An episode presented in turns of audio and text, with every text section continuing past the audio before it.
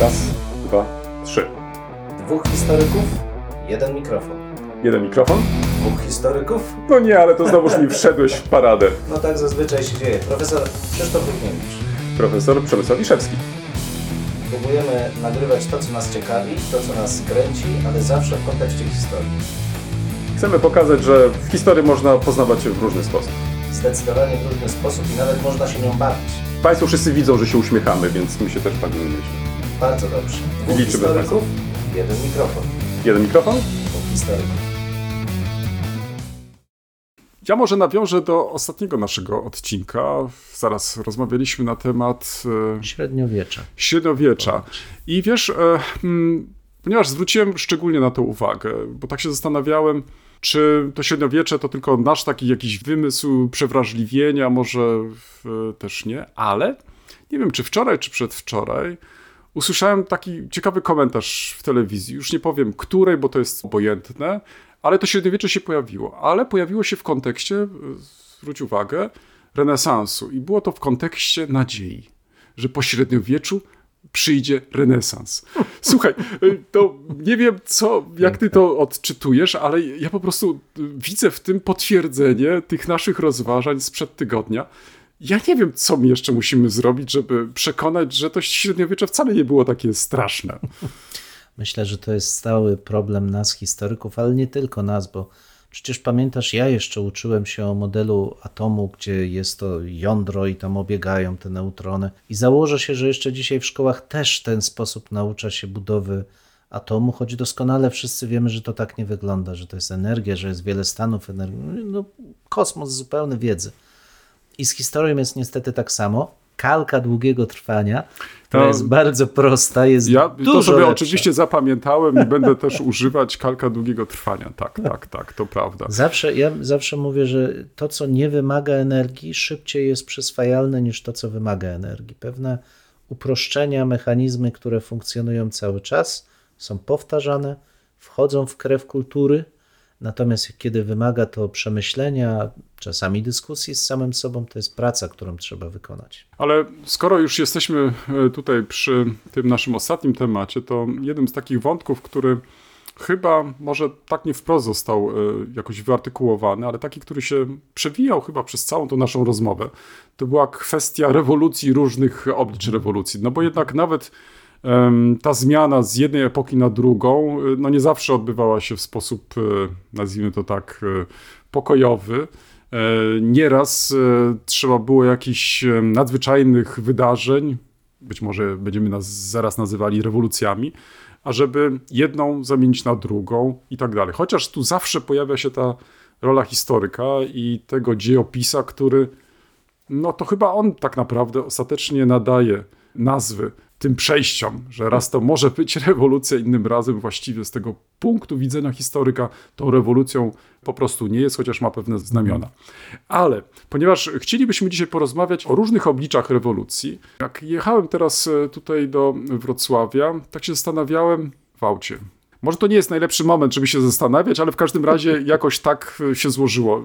Przede mną nikogo nie było, po prawej, po lewej stronie był tylko las, a ja jechałem sobie prosto. To przypomniałem sobie obraz Delacroix i e, wolność, e, która idzie na barykady. Wiodąca lud na barykady. O widzisz, nawet e, dopowiedziałeś, to ja tak w tym swoim takim właśnie niedopowiedzeniu obraz wiedziałem, że jakiś tam jest e, kościół, jest jakiś dzwon, ale ty już dopowiedziałeś i postawiłeś świetnie tą kropkę nad i.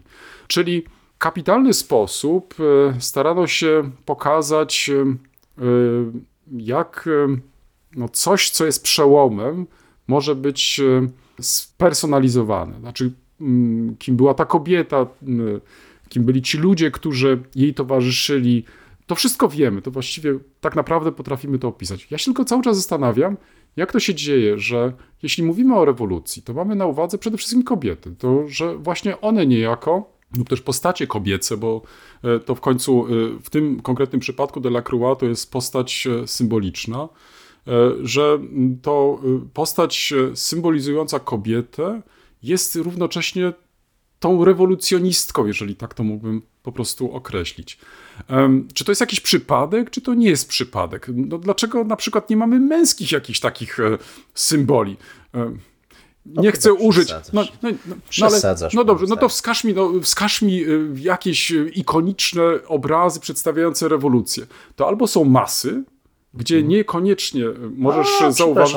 A, a przemowa Lenina w, przed, chyba przed szturmem na, na pałac. No, no dobrze, okej, No to, to w porządku. No tutaj jest ikona, chociaż często obrabiana i teraz a, już nie wiemy. A, a Spartacus? No to też męska postać. No, No, ale, ale to uważasz, że co, to, to, to, to, to był tylko przypadek, że tutaj ten Delacroix postawił na barykadzie postać kobiecą, czy nie? no, mi się wydaje, że tu mógł rodzaj żeński La Liberté odegrać e, swoją e, rolę. Słowa samego wolność. E, Natomiast oczywiście to, że wykorzystywano w alegoriach kobiety ma bardzo długie, długą tradycję kulturową. No i mamy tutaj też do czynienia z takim bardzo dobrym, e, estetycznym zgrzytem, to znaczy mamy walkę, mamy w krew, mamy przemoc, no i nagle mamy kobietę, która w, obnażona w, wiedzie ten lód na barykady, czyli mamy zderzenie rzeczy, które nie powinny się zdarzyć. Znaczy, kobieta nie powinna być na czele walki, nie powinna się obnażać, nie powinna pokazywać słabości. Bardzo dużo takich e, wiesz, rzeczy e, stricte symbolicznych tutaj zaczyna grać, żeby budować napięcie i umacniać pewien przekaz. Natomiast rewolucji to bardzo dobrze odpowiada, no bo rewolucja z samej swojej natury powinna nieść zmianę. Więc jeżeli z jednej strony mamy, czasami to się nadużywa, ale myślę, że tu można powiedzieć taki tradycyjny, patriarchalny porządek, ten ancien régime, a z drugiej strony mamy tych, którzy występują przeciwko niemu, no to postać kobieca jako wódz, przywódca, ale też jako to spełnienie celów wszystkich. Kiedyś można powiedzieć wielka matka, pramatka, a z drugiej strony ta, która wiedzie do zmiany, rodzi coś nowego, no jest świetnym, e, świetnym przykładem takich działań informacyjnych, bym powiedział. Ale nie zgodziłbym się z tobą, że rewolucja utożsamiana jest z kobietą. To za daleko, moim zdaniem, posunięte w e, uogólnienie. Ale czy to nie jest też tak? ym, Ja to chcę wyrazić w formie powątpiewania trochę, żeby nie być za chwilę posądzonym o jakieś straszne rzeczy. Ym, Że jednak inaczej się patrzy na taką demonstrującą kobietę y, niż na demonstrującego mężczyznę. To znaczy jest inny wyraz twarzy, jest inna, inny sposób przedstawiania tego, co faktycznie jest tym takim przełomowym momentem. Bo nawet jeżeli jeszcze raz wrócimy do tego obrazu, to faktycznie y, co mogłoby dziwić i się tak zastanawiałem też jadąc, y, mm, czy to, że ta kobieta jest obnażona, że y, do połowy praktycznie mm, nie ma tego ubioru. Czy gdyby była ubrana, to byśmy inaczej odbierali to. Czy ten dramatyzm byłby inny tego? Ja myślę, że to słowo, które użyłeś, czyli kontrast, y, y, w zestawieniu z tymi ubranymi postaciami, bo na to bym też zwrócił uwagę, em, no tak być może wpływa na naszą wyobraźnię, to znaczy jeszcze bardziej e, zwraca uwagę na to, że to jest pewien przełom, że to jest coś innego, ale równocześnie poprzez to obnażenie pokazuje nam, że to jest ta naga prawda, że to jest być może ta nowa, że ta, ta wolność, prawda? Ale też z drugiej strony masz tutaj jeszcze jedno wystąpienie przeciwko temu takiemu stereotypowi, który w przestrzeni publicznej każe kobiecie być e, no, zasłoniętej, nie obnażać żadnych drugorzędnych cech płciowych, nic z tych rzeczy. Ale też pamiętajmy, że to cały czas jest, i tu, no przepraszam, ale widzenie oczami mężczyzn. To, o czym my rozmawiamy, i ten obraz, i odbiór społeczny, to wszystko jest widzenie oczami mężczyzn. E, Oczywiście te głębsze elementy obrazu, tej, tej, tego zderzenia mogą być odbierane powszechnie, ale mimo wszystko symbolika okrut, okrutnie męska, bym powiedział, z niego, z niego wyziera. Ale czy byś to tłumaczył? Bo tłumaczyłbyś tylko tym, że y, z rewolucją kojarzy nam się zawsze przemoc, że w, ofiary, że są zabici, zwycięzcy, pokonani. Y, Nie kojarzylibyśmy tego z obrazem kobiety, bo to jednak, y, no nie wiem. Znowu, kobieta, czyli Właśnie, czy ten to nam- no właśnie, ale- delikatny kwiat. No ale wiesz, ale to jest też tak, że, że właśnie to nie wypada, że Mhm. nie potrafimy sobie wyobrazić. e, No trudno mi jest powiedzieć. e, e, e, Być może jest to jesteśmy jednak związani pewnymi jakimiś takimi więzami kulturowymi. To znaczy, ja nie wiem, czy, tak. czy to nie jest też tak, że e, to takie, czy próby wyjścia poza ten schemat, prawda, Mhm. do którego nas no, wrzucono, lub w którym funkcjonujemy jakoś, Mhm.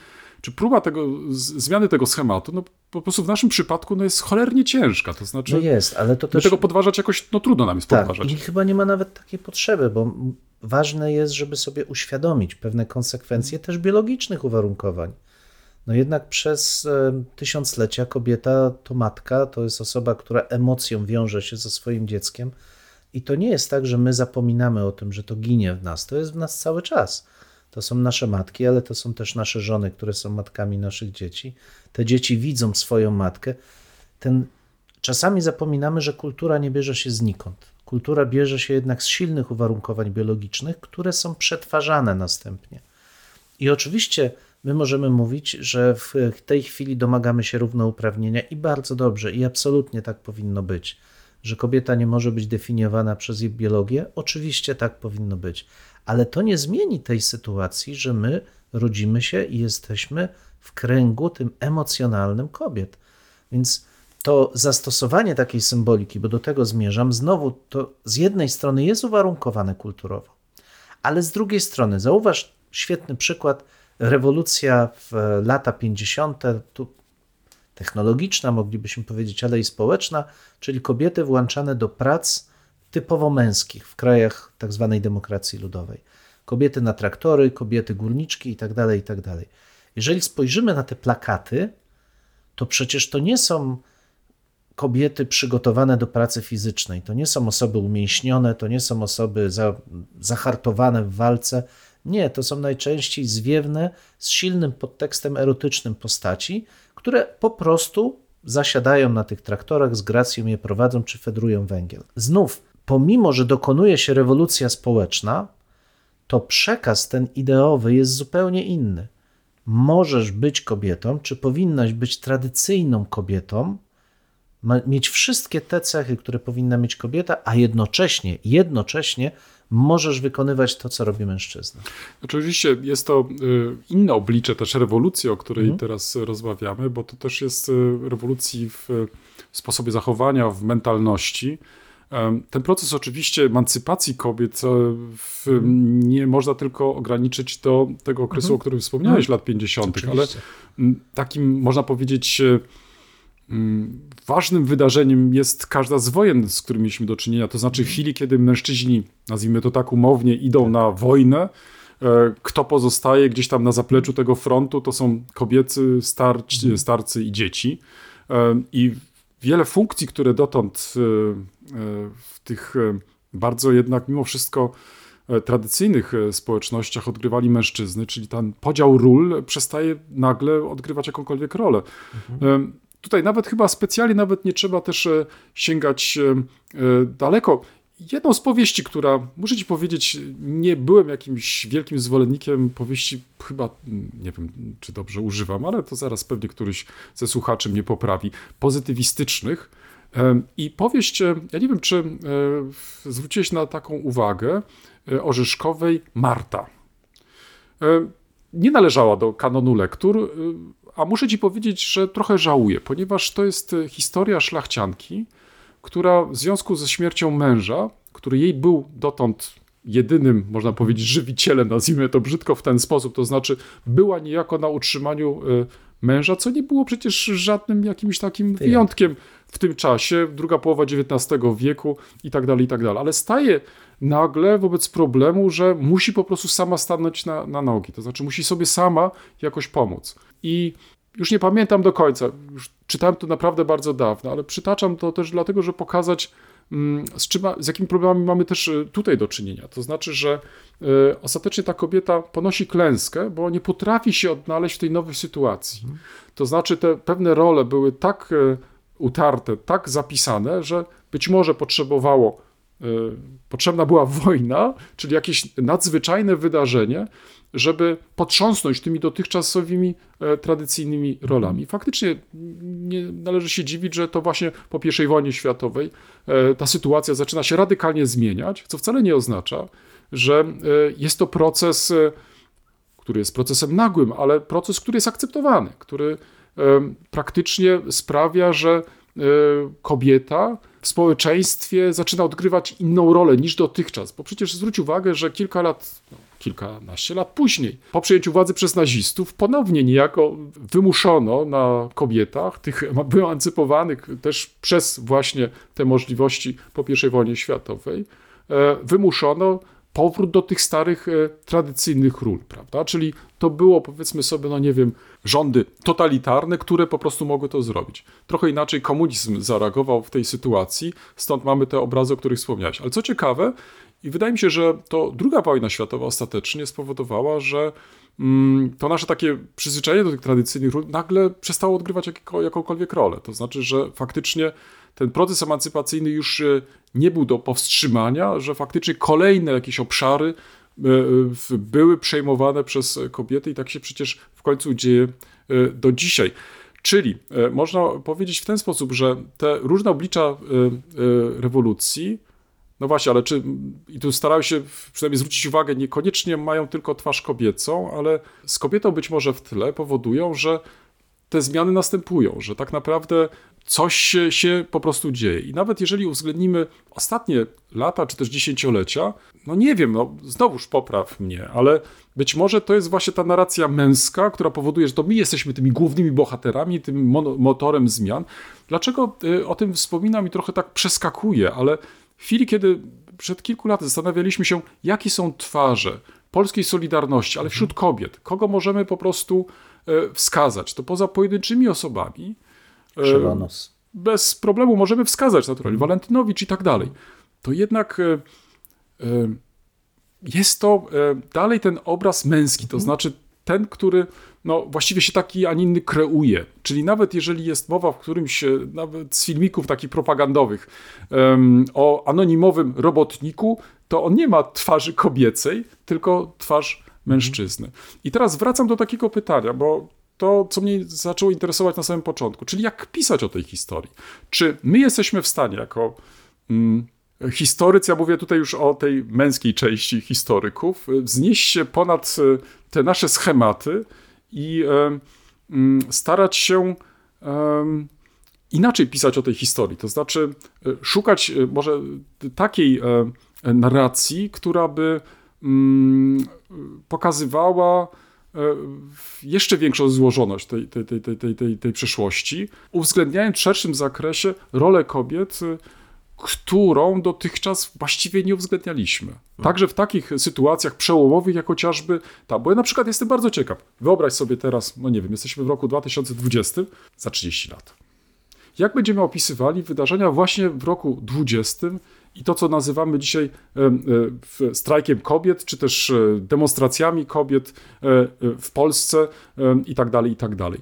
Kto wie, być może okaże się, że już za 10 lat czy za 20 będziemy o tych wydarzeniach pisać jako o wydarzeniach rewolucyjnych, mając na uwadze, jakie skutki te wydarzenia przyniosą. Dzisiaj tego jeszcze nie wiemy. Jesteśmy tylko niejako obserwatorami tych wydarzeń i znowuż e, obserwując, my je opisujemy albo staramy się je opisywać, ale jeszcze nie interpretujemy, bo jeszcze nie wiemy, co będzie dalej. Ale może się okazać faktycznie że za te 30 lat, że mając już tą odpowiednią, e, odpowiedni dystans do tych wydarzeń, będziemy mogli inaczej spojrzeć na to i możemy to określić albo jakiś ważny etap, albo faktycznie pewien przełom. I teraz e, jak moglibyśmy opisać e, ten udział, e, te demonstracje, którymi głównymi aktorkami no właśnie były kobiety. No to pewnie będzie zależało od historyka i zależało też od konsekwencji, bo trudno tutaj narzucać komuś narrację, ale gdybym ja miał dzisiaj powiedzieć, to jako historyk pewnie szukałbym procesu. To znaczy pokazywałbym, że to, co dzieje się dzisiaj, nie jest czymś nadzwyczajnym. To znaczy, ja absolutnie odrzucam takie stwierdzenie, jakieś zaskoczenie, że to się wydarzyło. No, niezgoda na radykalne ograniczenia wolności e, społeczeństwa przez ten konkretny rząd czy obóz polityczny trwa w zasadzie od momentu, kiedy objął on władzę. Zmieniają się grupy społeczne, które występują wyraźnie. Ja osobiście mogę też powiedzieć, że pisząc taką historię, właśnie zwróciłbym na to, dlaczego te ruchy społeczne ponoszą klęskę. Dlaczego wszystkie te ruchy, które głośno demonstrują i Przecież pamiętamy początki kodu, pamiętamy te wszystkie wystąpienia bardzo silne, przy, kulminujące się przy każdych, przy każdych wyborach, w gruncie rzeczy ponoszą klęskę. I jest to, mi się wydaje, dużo szerszy problem, to znaczy problem narastania tendencji mm, z jednej strony takiego populizmu, z drugiej strony tęsknoty za demokracją bezpośrednią, a z trzeciej strony społeczeństwa sytego, które w pewnym momencie ze strony młodych zostaje poddane gwałtownej krytyce. Pamiętasz, te pierwsze wystąpienia są wystąpieniami naszych i starszych roczników.